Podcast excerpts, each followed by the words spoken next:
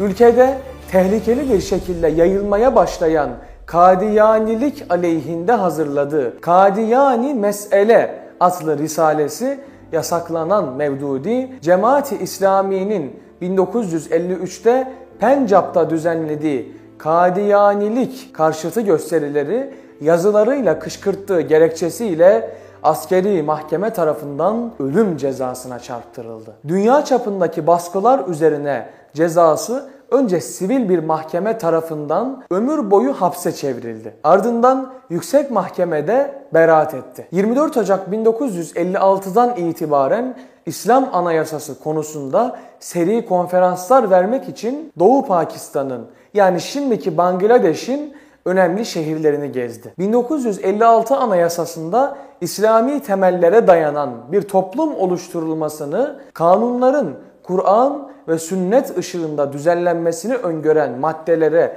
yer verilmesinde Mevdudi'nin ve lideri bulunduğu örgütün etkisi büyüktür. Anayasanın bu yapısı Cemaati İslami'nin siyasi bir parti haline gelmesine zemin hazırlamış oldu. Ancak 1958'de Eyyub Han'ın yönetime el koymasıyla anayasa yürürlükten kaldırıldı ve diğer siyasi partiler gibi Cemaati İslami'nin de faaliyetleri durduruldu. 24 Haziran 1956'da hac yolculuğuna çıkan Mevdudi, Beyrut ve Dımaşk'a uğrayarak İhvan-ı Müslimi'nin önderleri ve bazı alimlerle görüş alışverişinde bulundu. 3 Kasım 1959 tarihinde yazmakta olduğu tefsir için bilgi toplamak ve Kur'an'da da adı geçen yerleri görmek üzere Suudi Arabistan, Ürdün, Suriye ve Mısır'ı kapsayan 3 aylık bir seyahate çıktı. Bu seyahati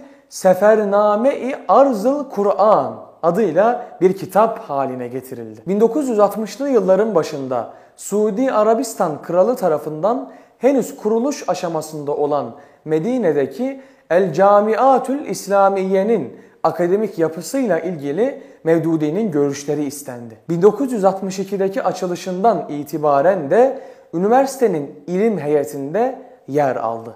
2 Mart 1961'de Lahor'da askeri rejim tarafından yürürlüğe konan aile hukuku kararnamesi ile ilgili olarak yapılan bir toplantıda Mevdudi Kur'an ve sünnete aykırı bulunan kararnamenin kınanmasını sağladı. Ekim 1963'te Pakistan'daki siyasi faaliyetlerin serbest bırakılmasından sonra Lahor'da Cemaati İslami'nin düzenlediği toplantıdaki suikast girişiminden yara almadan kurtulan Mevdudi, Eyyub Han'ın hazırlattığı anayasaya karşı çıkmasının ardından 6 Ocak 1964 tarihinde tutuklandı ve 9 ay sonra ise serbest bırakıldı. 1965 yılı Eylül ayında Hindistan Savaşı'nın başlaması üzerine ülke savunmasında Eyyub Han'a büyük bir destek verdi. 1967'de Kurban Bayramı hilalinin görünüp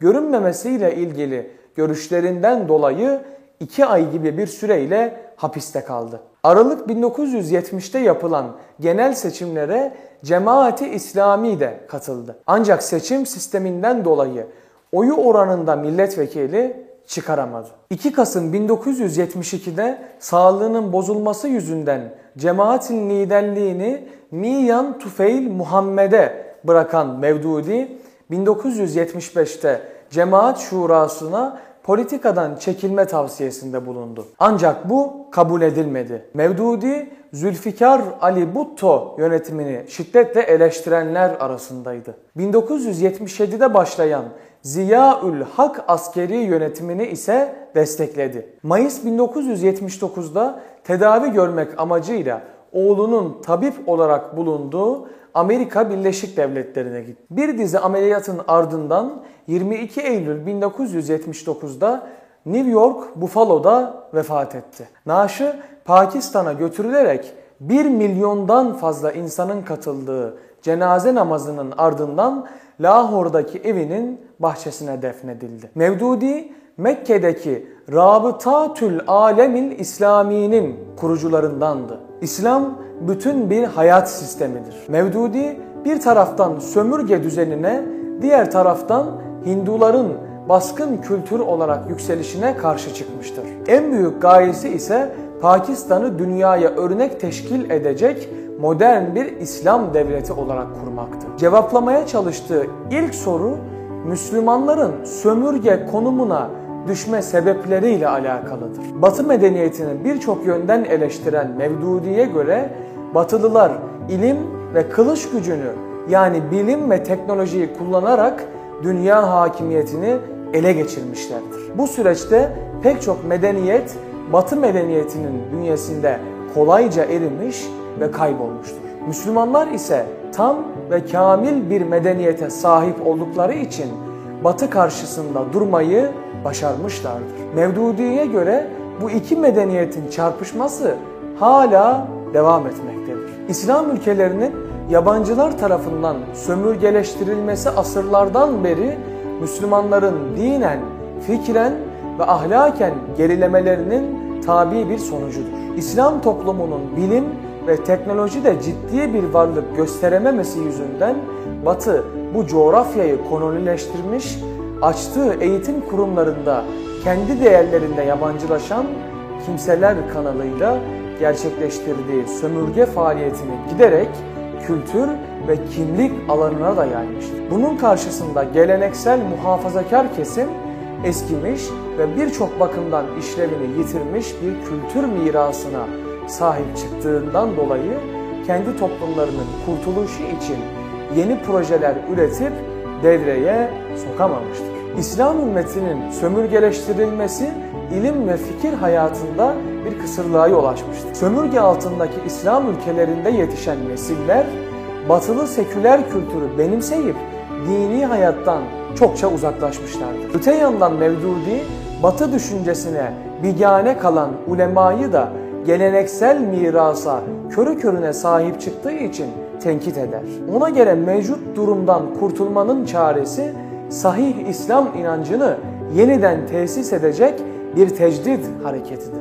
Bu hareket din anlayışında, teşkilatlanmada, içtimai ve siyasi hayatta ıslah tedbirleri içeren bir programın tedrici şekilde uygulanmasıyla başarıya ulaşacaktır. İslam toplumunun kültürel ve siyasal emperyalizmden kurtulabilmesi için Kur'an-ı Kerim ve sünnete dayalı fertten topluma uzanan bir tecdid ve ihya hareketini gerçekleştirmesi gerekir. Mevdudi'nin ıslah projesinin teorik temelini uluhiyet ve İslam anlayışı teşkil eder. Ona göre uluhiyet ve otorite birbirinden ayrılamaz. Otoritesi bulunmayanın ilahlığı asla mümkün değildir. Bu manada ilah kainattaki düzeni yönetimi altında tutan hüküm ve emrin tek sahibi anlamında olup bu da Cenab-ı Allah'tır. Mevdudi İslam'ı Allah'a teslimiyet ve itaat şeklindeki en geniş manasıyla kullanır. İnsan akıl